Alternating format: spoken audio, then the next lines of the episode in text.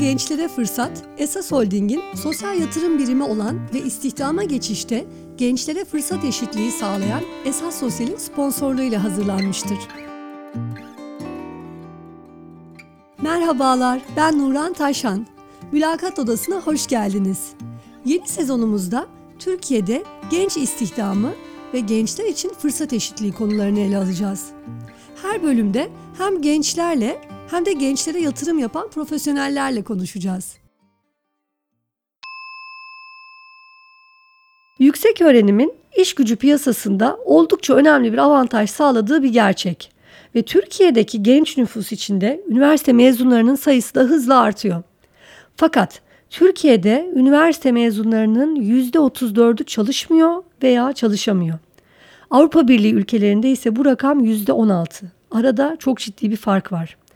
Türkiye'de genç üniversiteli işsizliği ile ilgili sayılı programlardan olan Esas Sosyal'in geliştirdiği ve desteklediği Şevket Sabancı vizyonuyla ilk fırsat programı sayesinde ilk iş deneyimlerini edinen ve ilk fırsatı tamamlayan katılımcıların işe giriş oranları 6 ay sonrasında %100'e varıyor. Gençlere gereken destek verilirse genç işsizliğinin çözümü konusunda ciddi bir fark yaratılabilir.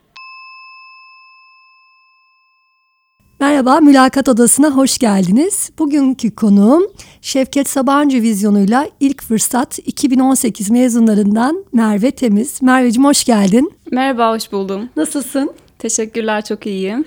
Yine bugün pırıl pırıl bir genç karşımda. E, Merve sen şu anda TÜSEV'de iletişim uzmanı olarak çalışıyorsun. Kariyerin e, aslında hep sivil toplum örgütlerinde başladı ve öyle de devam ediyor. Toplamda bir 5 seneyi bulmuşsun. Evet 5 yıla yaklaşık bir deneyim kazandım ama bunun ötesi de var aslında. Şöyle ki e, ben üniversiteye başladığım dönemden beri kendimi hep sivil toplum kuruluşunun içerisinde buldum. Yani üniversite hayatım, bütün ders akışımla birlikte sivil toplum kuruluşlarının etkinlikleri paralel ilerledi. Bunu nasıl başladın? Onu çok merak ediyorum. Yani o farkındalık nasıl gelişti sende? Çocukluktan mı gelişen bir şeydi? Üniversitede mi ilk e, tanıştın sivil toplum örgütüyle? İlk kez üniversitede tanıştım. Ee, ya sanırım e, yani çevrem çevremi gözlemliyordum ve bir, bir şeylerin doğru gitmediğini, daha e, benim orada değişim yaratabileceğim alanlar olduğunu gözlemliyordum. Ama bu sorgulama kısmı sanırım üniversitede başladı. Yani öncesinde belki içimde vardı ama henüz açığa çıkmamıştı. Nerede büyüdün? Nasıl bir çevrede büyüdün? Ben Ankara'da doğdum. Ee, bir kardeşim yok o yüzden küçük bir ailede e, büyüdüm. Tek çocuksun. Aynen öyle ee, ve yani lise sonuna kadar Ankara'da yaşadım.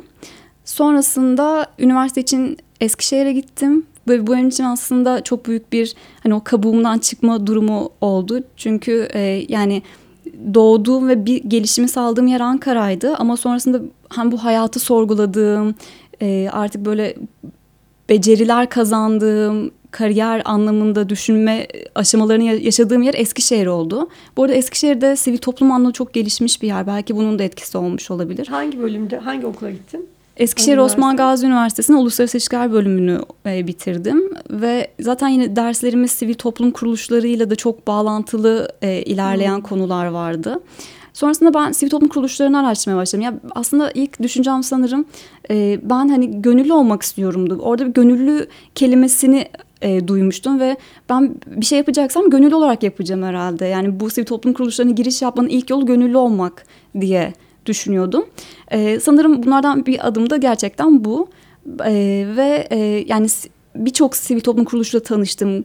İlk e, gönüllü olarak başladığım yer e, TEGEV, Türkiye Eğitim Gönülleri Vakfı'ydı. Orada e, bir çocuklarla birlikte atölyeler düzenledik ve bir atölyenin yürütücülüğünü yaptım ama bu çok kısa süreli oldu. Ee, ve benim aslında tam ilgi alanımın burası değil, gençlik üzerine tam.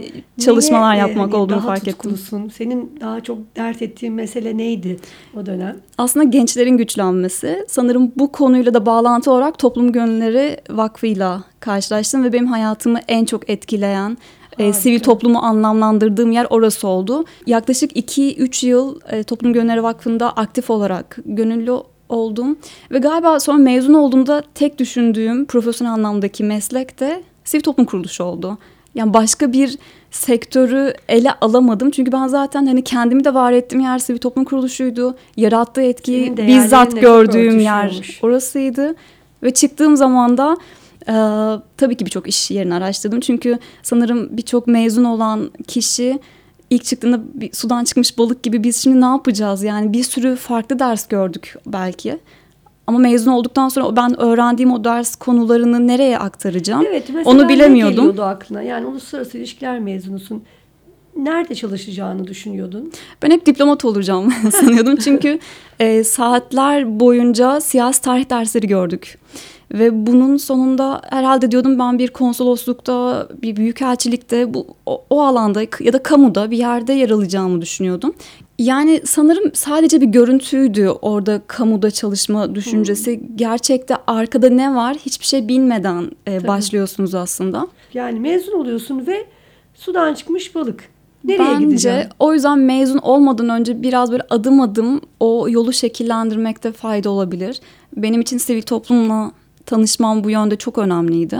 E, çünkü yani gönüllü olarak oradaki profesyonel yaşantıyı da görüyordum çünkü. Yani ben gönüllüydüm ama bir yandan da onu organize eden kişi de orada profesyonel çalışandı. Onu da gözlemliyordum ve evet diyordum benim yapacağım iş bence bunlardan biri olmalı. Peki e, ilk fırsatta tanışmadan önce mezun olduğun e, ve artık iş seçeneklerine baktığın sırada başvurular yapmışsındır muhtemelen. Nasıl gitti o süreç? Ya şu an çok gönül rahatlığıyla söyleyelim ki korkunç gitmiş. Ama o anki bana baktığınızda e, yani hiçbir anlamı olmadan her iş ilanına başvurmuşum. Kendimi tanımadan başvurmuşum. Bu çok hatalı bir durummuş. Tabii ki o durumda biraz şey düşünüyorsunuz. Ya mezun oldum ve bir an önce iş bulmam lazım. Galiba biraz belki toplumun da size sizden Tabii. beklentisi sizi bu yöne de itiyor olabilir. Üniversite mezunu diyor yani benim çocuğum işte üniversiteyi bitirdi tabii ki. Bütün işler onu bekliyor şu an. Şirketler Aynen öyle. yarışıyor. Galiba bundan dolayı ben ne bulduysam başvurmuşum ve bir süre sonra şunu fark ediyorsunuz. Başvurduktan sonra yanıt gelmediği için ben başvurayım da zaten hani onlar dönerse ben o zaman inceleyeyim. Bana uygun mu? Aslında çok yanlış bir bakış açısıymış. Ee, yani şöyle mesela bir deneyim var. Ee, ben e, üniversite üniversite okurken bu sivil toplum kuruluşlarını anlatmıştım biraz önce. Orada bir, bir yıllık e, Avrupa Gönüllü Hizmeti'ne katıldım. Romanya'ya gittim ve okulu dondurdum. Mesela bu belki de mülakatta en böyle vurgulayarak anlatacağım yer olmalı. Bir yıl Romanya'da okudun. Okumadım. E, orada gönüllülük yaptım. Anladım. Okulu dondurdum. Ha, okulu dondurarak gittin. Aynen. Büyük bir karar bu. Evet belki bunu da daha detaylı konuşabiliriz. Ee, benim için o dönemin en büyük kararlarından biriydi. Çünkü okulu dondurmak demek bir yıl geç mezun olmak demek. Ee, ama yani bunun işte artısını eksisini değerlendirerek ilerlediğim bir süreç oldu. Nasıl aldın o kararı? Bak şimdi de yine sana bir mülakat sorusu gibi oldu ama merak ettim. Ee, yani dediğim gibi sivil toplum kuruluşlarının hep içerisindeydim ve gençlere e, Avrupa fırsatlarını anlatıyordum. E, gönüllü öncelikle Türkiye'de gönüllü olmanın e, durumlarını konuşuyorduk. Sonra fark ettim ki e, benim anlattığım her şeyi aslında bir genç olarak ben de uygulayabilirim. Ya ben bir an bu rolden sanki çıkmışım ve hep karşıya aktardığım bakın böyle projeler var. Yurt dışındaki projelere başvurabilirsiniz dediğim bir durumdu. Sonra dedim ki sen niye yapmıyorsun? E, ve sonra bu kararı almaya doğru yöneldim. Ne kadar güzel bir deneyim. Hem İngilizcenin geliştiriyorsun, hem istediğin şeyi yapıyorsun, hem bambaşka bir dünya görüşü kazanıyorsun. E, ve bütün bunları öğrenciyken yapabiliyorsun. Şahane bir şey. Senin daha çok fırsatın olur. Ama şimdi biraz ilk fırsatı konuşalım. Çok merak ediyorum. İlk fırsatta tanışma hikayen nasıl başladı? Aa, bir Facebook paylaşımıyla başladı sanırım. Aslında şu an bu dönemde çok Facebook'ta kullanmıyorum ama o dönem beni e, ilk etkileşimi sağlayan yer oradaki paylaşımdı. Böyle bir programın başladığını yine sivil toplum çalışanı bir başka kişi duyurmuştu. Yani şu an direkt hani üçüncü bir kişi ve bu şeyin hiç içerisinde olmayan birisi aslında. Ben o paylaşımı gördüğüm zaman aa dedim yani kriterleri okuyordum ve şeyi hatırladım. Ee, yani ben bir yıl sonra mezun olacağım ve ne yapacağımı planlamaya çalışıyorum. Sürekli duyuyorum ülkede genç işsizliği çok yüksek. Arkada hep böyle olumsuz bilgiler dönüyor. Şimdi bu bilgilerle e, mezun olacağımı bildiğim için bir, biraz böyle giderek gergin hissediyordum kendimi. Ne yapacağım ben diyordum. Ee, sonra o paylaşımdaki e, başvuru kriterlerini gördüğüm zaman şey demiştim. Yani deneyim aramıyorlar. Ee, böyle heyecanlı, ne yapacağını bilen, e, yeterlilikleri olan kişileri arıyorlar ve bu tam olarak benim aradığım şey aslında. Yani bu kadar bu, bu benle eşleşiyor falan diye böyle bir aşırı sevindiğimi hatırlıyorum. Sonrasında yani tabii ki bunu gördüm ve biraz rafa kaldırdım çünkü hala okumaya devam ediyordum. Mezun olduktan sonra da e, o an başvuru dönemi tam mezun olduğu döneme de denk gelmiyordu. O yüzden biraz iş arama dönemi de geçirdim. Ve başvuruları açıldığı gibi de e, zaten mükemmel bir başvuru formu vardı. Bazen bazı kurumlar e, daha böyle başvuru sürecinde kendini belli eder ya. Sanırım ilk fırsatta öyleydi. Yani başvuru formunu okuduğum zaman şey demiştim. Beni tanımak istiyorlar. Çok Ha, güzel çok sorular güzel. vardı ve Formalite hepsine değil yani sorular. hepsine dolu dolu yazdığımı hatırlıyorum ve her birini yazarken evet ya ben mesela daha önceki gittiğim mülakatta beni tanımaya yönelik hiçbir soru sormamışlardı. Yani kaç yıl deneyimle ne yaptın, ne okudun? Bu çok böyle e, robotik Klişe. geçen mülakatlardı. Ama bu başvuru formu bile e, ben ne yapmak istiyorum? Ya benim gelecekteki kafamda ne var? Bu alana ne katkı sağlayabilirim? Benim potansiyelim ne? Bunları anlatabileceğim sorular vardı. Aşırı sevinmiştim. Sonunda zaten e, yani böyle çok büyük mutlulukla doldurunca böyle şey dersiniz ya. Evet yani doldurdum hadi bakalım hadi hayırlısı ama olacak sanırım yani bunu hissediyorum o diyerek başvurmuştum. cevaplamak bile çok önemli biliyor musun Merve? Yani ben bazen o başvurunun sonucu gelmeyebilir ama o süreçte kendinle yeniden tanışmak, karşılaşmak bile öğretici bir deneyim aslında. Ee, ve yeniden diyorsun ki evet bu benim bir şeyler yapabilirim. Sonra dönüş haberi nasıl geldi? Kabul edildiğini nasıl öğrendin? O süreçte böyle adım adım ilerleyen süreç. Çünkü birkaç tane mülakatlar var. İlk o başvuru formunu doldurduktan sonra e, sanırım bir maille e, sonraki adıma seçildiğimi e, bildirmişlerdi. Ve sonrasında bir e, online mülakat, online mülakata geçtikten sonra yüz yüze mülakat. Yüz yüze mülakat İstanbul'da oluyordu. Benim için bu büyük bir adımdı çünkü ben o dönemde Ankara'da, yani Eskişehir'de üniversiteyi bitirip Ankara'ya geri dönmüştüm. Oradan İstanbul'a bu yüz yüze mülakat için geri geldim. Aa, ve sonrasında hmm, kişilik envanteri testi Hmm. e, gibi bir test çözdüğümüzü hatırlıyorum. Bunları tamamladıktan sonra e, sanırım sonunda artık o son güzel telefon görüşmesini alarak evet kabul edildin. E, o tabii kabul, kabul aldığında artık İstanbul'da çalışmaya başlayacaksın. Ailenin yaklaşımı nasıldı bu konuya? Ailem her zaman beni bu süreçte destekleyen bir yerde oldular. Sanırım yine bu yurt dışı deneyimlerim burada etkili oldu. Çünkü ben hiçbir zaman aslında evde değildim. Yani liseyi bitirdim ve Ankara'dan ayrıldım. Sonra Eskişehir'de kendime ait bir evim vardı. Sanırım bu alanda hep zaten tek başımaydım ve İstanbul'da da ben çalışmaya gidiyorum dediğim zaman onun için de çok şaşırtıcı bir durum olmamıştı. Yani çünkü Merve yine şu an başka bir yere gidiyor. Bakalım nerede? Evet, e, çok büyük bir durum değildi ama İstanbul benim için belki büyük bir adımdı. Çünkü e, burası biraz göz korkutucuydu. Hmm. Belki Ankara'da olmana rağmen böyle düşünüyor musun? kesinlikle. E, hatta yani şey diyorum, üniversite İstanbul'da okumadığım için İstanbul'da burada bir başka jargon var bence ve bunun Hmm. çok ötesindeymişim. Yani hiçbir şey bilmiyor. Adresi falan geçtim. Hani zaten milyon kez kayboldum. Onları geçiyorum ama onun dışında burada insanların kendisiyle etkileşimde de başka bir durum var. Ee, Onu nasıl tarif edersin? sanırım metropol şehriyle alakalı bir şey. Yani burada insanlar sürekli dakikler. Yani Ankara'da böyle bir şey bu düzeyde bence yok. Ee, sürekli bir yere yetişme durumları var. O yüzden alanı çok iyi. Yani en kısa yolları bilmek durumundalar. Ee, bu da sanırım artık insanların kişiliğine de yansıyor. Ee, kendi iç iletişimlerine de yansıyor. Burada çok bir dakiklik var gözlemlediğim. ol- olmak adına çok kaygılı ve telaşlı gibiler sanki. Biraz öyle.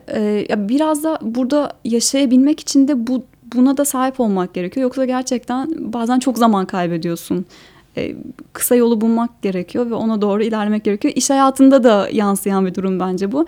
Ee, işlerde de en hızlı şekilde, en etkili nasıl sonuca varırız? Bunu nasıl e, olumlandırırız gibi bir e, bakış açısı olduğunu düşünüyorum. Tabii Ankara'daki kuruluşları henüz deneyimlemediğim için şu an bir kıyaslama yapmam ne kadar doğru bilmiyorum. Şeyi ben iş hayatımda görmüştüm mesela gençlerle çalışmalar yaptığımda e, projelere davet ettiğimde görüşmelere Ankara her zaman full katılım gelirdi. Zamanında gelirdi. İstanbul zamanında da gelmezdi. Gerçekten belki trafik vesaire gibi nedenlerle e, fikir değiştiren çok olurdu. İzmir zaten iki gün sonra aa bugün değil miydi derdi. Aa. Pazartesi görüşmesinde çarşamba değil miydi derdi. Hep dikkatimi çekerdi banka sınavlarında vesaire. Değişik gerçekten hepsi büyük şehir ama e, çok farklı davranış kalıpları var. Bir de Ee, bir şey daha ekleyeceğim. Şöyle bir durum var bence. Şimdi İstanbul'da üniversite okumadığım için buradaki hiçbir şirketi tanımadığımı fark ettim. Hmm.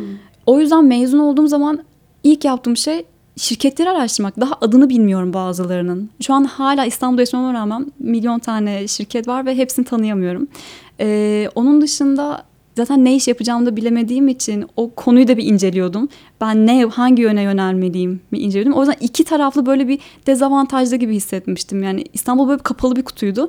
İlk fırsatta o kapalı kutuyu açan şeylerden biri oldu aslında. Çünkü e, bir şeyin böyle garantisiyle gelmek de istiyordum. Böyle dümdüz hani okyanusu atlayayım ve ben gideyim bir yere varayım mümkün olmayacağı için ben bir şey bulayım. O bulduğum şey bana e, bir garanti sağlasın. En azından bir süre beni geçir e, o geçiş sürecini tamamlamama katkı sağlayan bir yer olsun ve sonrasında ben önümü yolumu bulurumdu. Sanırım ilk fırsat bu yol bulma istediğin yapan yer oldu. Olmuş. Peki ilk fırsatla nerede işe başladın?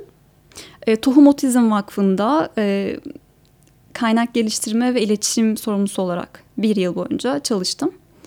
Program kapsamında birinci yılın sonunda program tamamlanıyor. Sonrasında kurumla görüşebiliyorsunuz. Bazen kurumlar e, kendi bütçeleri doğrultusunda yeni iş teklifinde bulunabiliyorlar ya da program tamamlandıysa e, kişi katılımcı yeni işler arayabiliyor. Başka teklifler zaten genellikle geliyor. E, bu en son yayınlanan e, yüzdeliklerde de görüyoruz. Sanırım yüzde 96 idi e, mezun ilk fırsat programından mezun olan kişiler yeni işlerine çok daha hızlı şekilde geçiş yapabiliyorlar. E, sen tabii raporlara da hakimsin çünkü senin ilk fırsat mezunu olmanın dışında ilk fırsat projesinin içinde farklı e, pozisyonların da var. Evet. E, o hikayeyi de anlat bakalım. Evet, Biraz da- Emine Hanım bahsetti ama bir de senden dinleyelim. Evet, o benim için çok heyecanlı bir süreç aslında. Ee, yani ilk fırsatın içerisinde mezun olduktan sonra program bitti ve hadi hepimiz dağılıyoruz gibi bir durum kesinlikle yok. Biz bir mezun grubu içerisinde aslında birbirimize iletişimde kalmaya, bu network'ü korumaya devam ediyoruz. Ki zaten şu iş hayatında e, bir network'e sahip olmak çok güçlü bir durum. Bunu giderek fark ediyorum. Ee, şimdi ilk fırsatın içerisinde mezun çalışmalarının da e, planlanması aşamasında mezunların da yorumlarının alınması e, isteniyor ve aslında buna alan yaratılıyor. Yani birileri bir danışma kurulu kurup hadi biz mezunlar için şöyle etkinlikler yapalım demiyorlar. Onun yerine buradan biz mezunlardan da bir temsilci alalım. Danışma kurulunda onlara yer verelim ve gençler kendi istedikleri etkinlikleri kendileri anlatsın ve onun üzerine biz o etkinlikleri planlayalım diyorlar ki bence bu çok etkili bir durum. Ee, bunu bu danışma kurulunda temsiliyet durumunu gördüğüm zaman aşırı heyecanlanmıştım. Bir- Sana Emine Hanım mı gel Merve seni istiyoruz. Hayır aslında orada büyük bir eleme süreci var Evet. e, ve bir seçim süreci var. Hmm, Bir mezun olduktan sonra bir motivasyon mektubuyla birlikte e, neler yapacağını, mezunlar grubunu nasıl temsil edeceğine dair bir mektup yazıyorsun. Hmm, çok Sonrasında e, mezun içerisinde bir e, seçim bildiğimiz oy verme süreci geçiyor ve yani öncelikle adaylar açıklanıyor. O adaylar üzerine mezunlar oylarını veriyorlar ve en yüksek oy alanlarda e, bir şekilde danışma kurulunda temsiliyete doğru gidiyorlar. Ben 2020 yılında e, bu seçimlerde yer aldım ve Ne vaat ettin mezunlara? seçim sürecinde şunu fark ettim ki bir şey vaat etmek önemli değil. Çünkü e, sana oy vermelerini sağlayan şey belki de seni tanıyor olmaları. Yani ben e, o bir yıl boyunca tüm mezun etkinliklerine katıldığım, kendimi bizzat tanıttığım için belki mektubu birçok kişi okumamış bile olabilir. Çünkü yani mektubun ötesinde beni tanıyorlardı. Ben fikirlerimi senin kendi arzunla katıldığın bir şeydi ama değil mi? Tabii yani ki. Programdan mezun olduktan sonra devam eden diğer akranların ne yapıyorlar, kendini tanıtmak, onlarla iç içe olmak. Yani o ekosistemin içinde o zaman çok gelişmiş bir aidiyet var. Yani aslında böyle bir programın içine dahil olan bir genç e, programı bitirdikten sonra iş hayatında da halen e, kollanıyor, destekleniyor, mentörlük alıyor. e, sıkıştığı zaman e, ulaşabileceği arkadaşları oluyor. Buna artı olarak e, ilk fırsatın içerisinde akademi eğitimleri var. Bence en önemli kısımlardan birisi Hmm. bu. E, bir katılımcı programa başladıktan sonra e, bir anda profesyonel olarak çalışıyor. Ama o bir yıl boyunca da 21. yüzyıl yeterlilikleriyle bağlantılı olarak planlanmış akademi eğitimlerine katılıyor. Benim şu an hayatımda en çok öğrendiğim, de, e, en etkili olarak kendimi e, tanımladığım, bu iş dünyası nedir anladığım yer o akademi eğitimleri oldu açıkçası. Herhangi bir yerde e, yani birinci yıl benim için biraz daha böyle hataların yoğun olduğu bir yıldı. Mesela bir hata yaptığım zaman kendimi çok kötü hissettiğimi hatırlıyorum. Her şeyi mahvettim falan gibi düşünüyordum. Ama aslında bunun böyle olmadığını o akademi eğitimlerinde Hmm. gördüm. Çünkü orada kriz yönetimi, e, zaman yönetimi, çoklu işin yürütülme süreçleri gibi e, kendimizi hem daha etkili bir şekilde işi nasıl ortaya çıkaracağımızı gördüğümüz e, hem de bazı kriz durumlarını nasıl e, çözümleyebileceğimizi de fark ettiğimiz eğitimler oluyordu. E, bence yani sadece iş hayatı biraz bu sahada öğreniyorsunuz nelerin nasıl ilerlediğini ama yan tarafta eğitimlerle beslenmek çok çok önemli diye düşünüyorum. Ben o dönemde e, yaptığım bütün hataları bence akademi eğitimleriyle daha rahat atlattım ve her birinin başka bir ders olarak gelecekteki e, işlerimi yürütürken e, cebime aldım. Çok güzel Merve. Gerçekten e, yani sonrasında sistemin hala hepinizi besliyor olması da harika. Sürdürülebilirlik ne kadar önemli. Çünkü sen sana dokunuluyor. Sonra sen e, diğerlerine o eli uzatıyorsun ve bu devam eden hani vardır ya böyle belli, liselerde, belli okullarda hep birbirlerini e, beslerler. Aynı o sistem devam ediyor. Şeyi merak ediyorum. Hem akademi eğitimleri hem e, 250 saate yakın aldığınız tüm e, program boyuncaki eğitimlerde unutamadığın, sende çok iz bırakan e, ne bir anı anlatmanı istesem ne olurdu bu? Bu arada eğitimlerin her biri aşırı keyifliydi. Yani e, hiçbir şekilde yerimizde durmadığımız, kendimizi sahnede bulduğumuz, e, oyunlarla oynadığımız bir süreç düşünün. O yüzden aslında her biri şu an hatırlıyorum. Ee, ama eğitimlerden bir tanesi bir yine oyun oynuyorduk ve e, biraz böyle bu kriz yönetimiyle alakalı bir oyundu. E, gruplara ayrılmıştık ve ben de bir grubun e, lideri, o gruptaki çalışmaları tanıtan kişiydim. E, ve bizden gelen bilgiye göre karşı tarafta ikinci grupta kendi fikrini ortaya çıkarması gerekiyor. E, ve böyle biraz karşılıklı ilerleyen, sen o cevabı verirsen ben bu cevabı veriyorum gibi böyle üst üste konarak ilerlenen bir oyundu.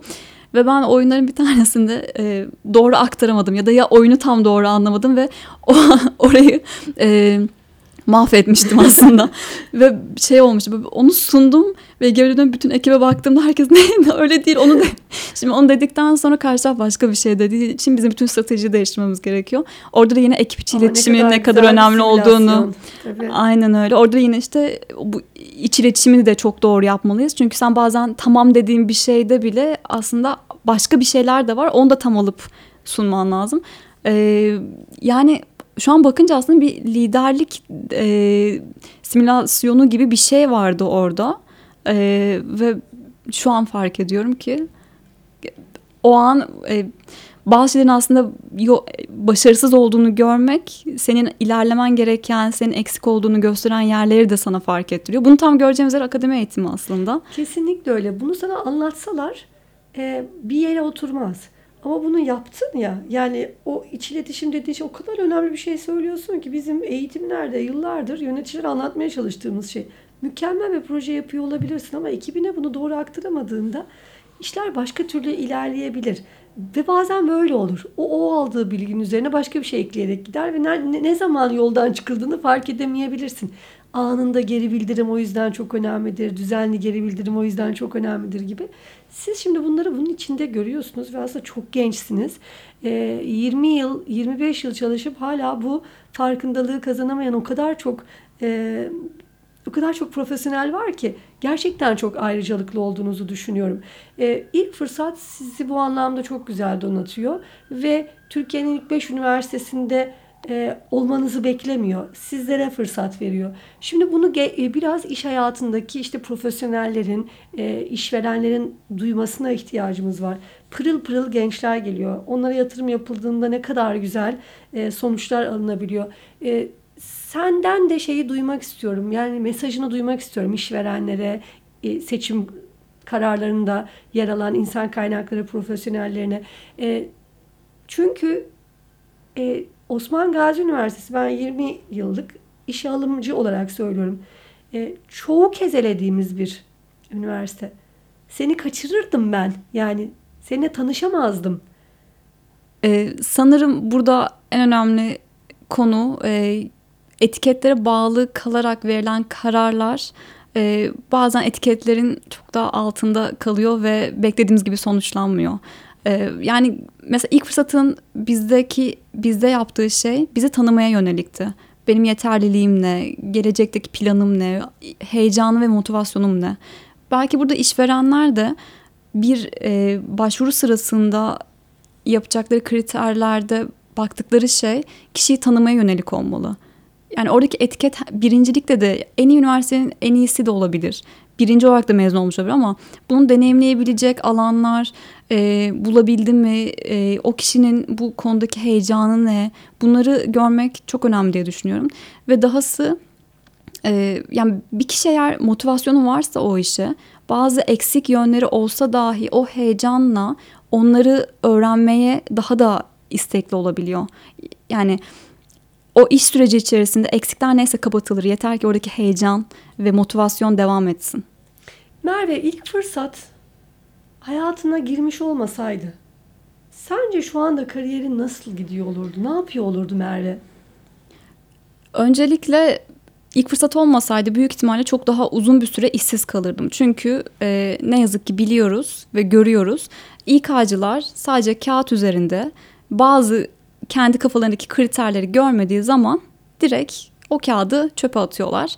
Ee, ve birçok potansiyeli daha tanımadan potansiyelin ortaya çıkma ihtimalini bile var olma durumunu yok ederek direkt yok sayıyorlar. Olmamış ve bildikleri e, kriterler üzerinden aynı e, kişiler arasında aslında top sektirmeye devam ediyorlar.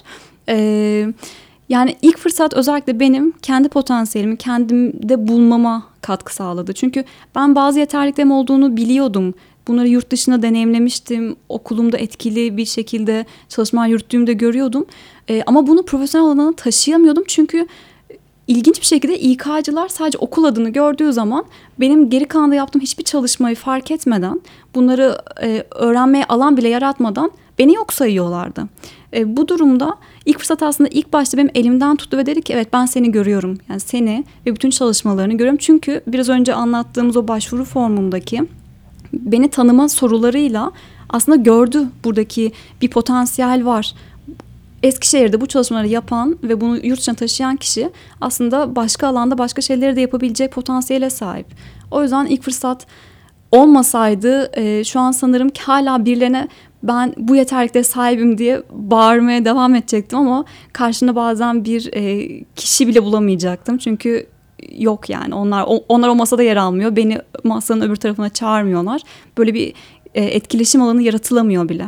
O yüzden ilk fırsat e, o ilk adımı atmam için en büyük fırsatımdı. Sonrasında zaten biraz deneyim kazandıkça e, kaç yıllık deneyimli olduğuna göre yeni işlere başvurma ihtimalinde de daha çok artıyor. Ama o sıfırla bir arasındaki o ilk adımı atmak gerçekten çok büyük efor gerektiriyor. E, bu süreçte de ilk fırsat beni tanımama fırsat verdiği için aslında orada yer alabildim. Kesinlikle çok güzel özetledin sen.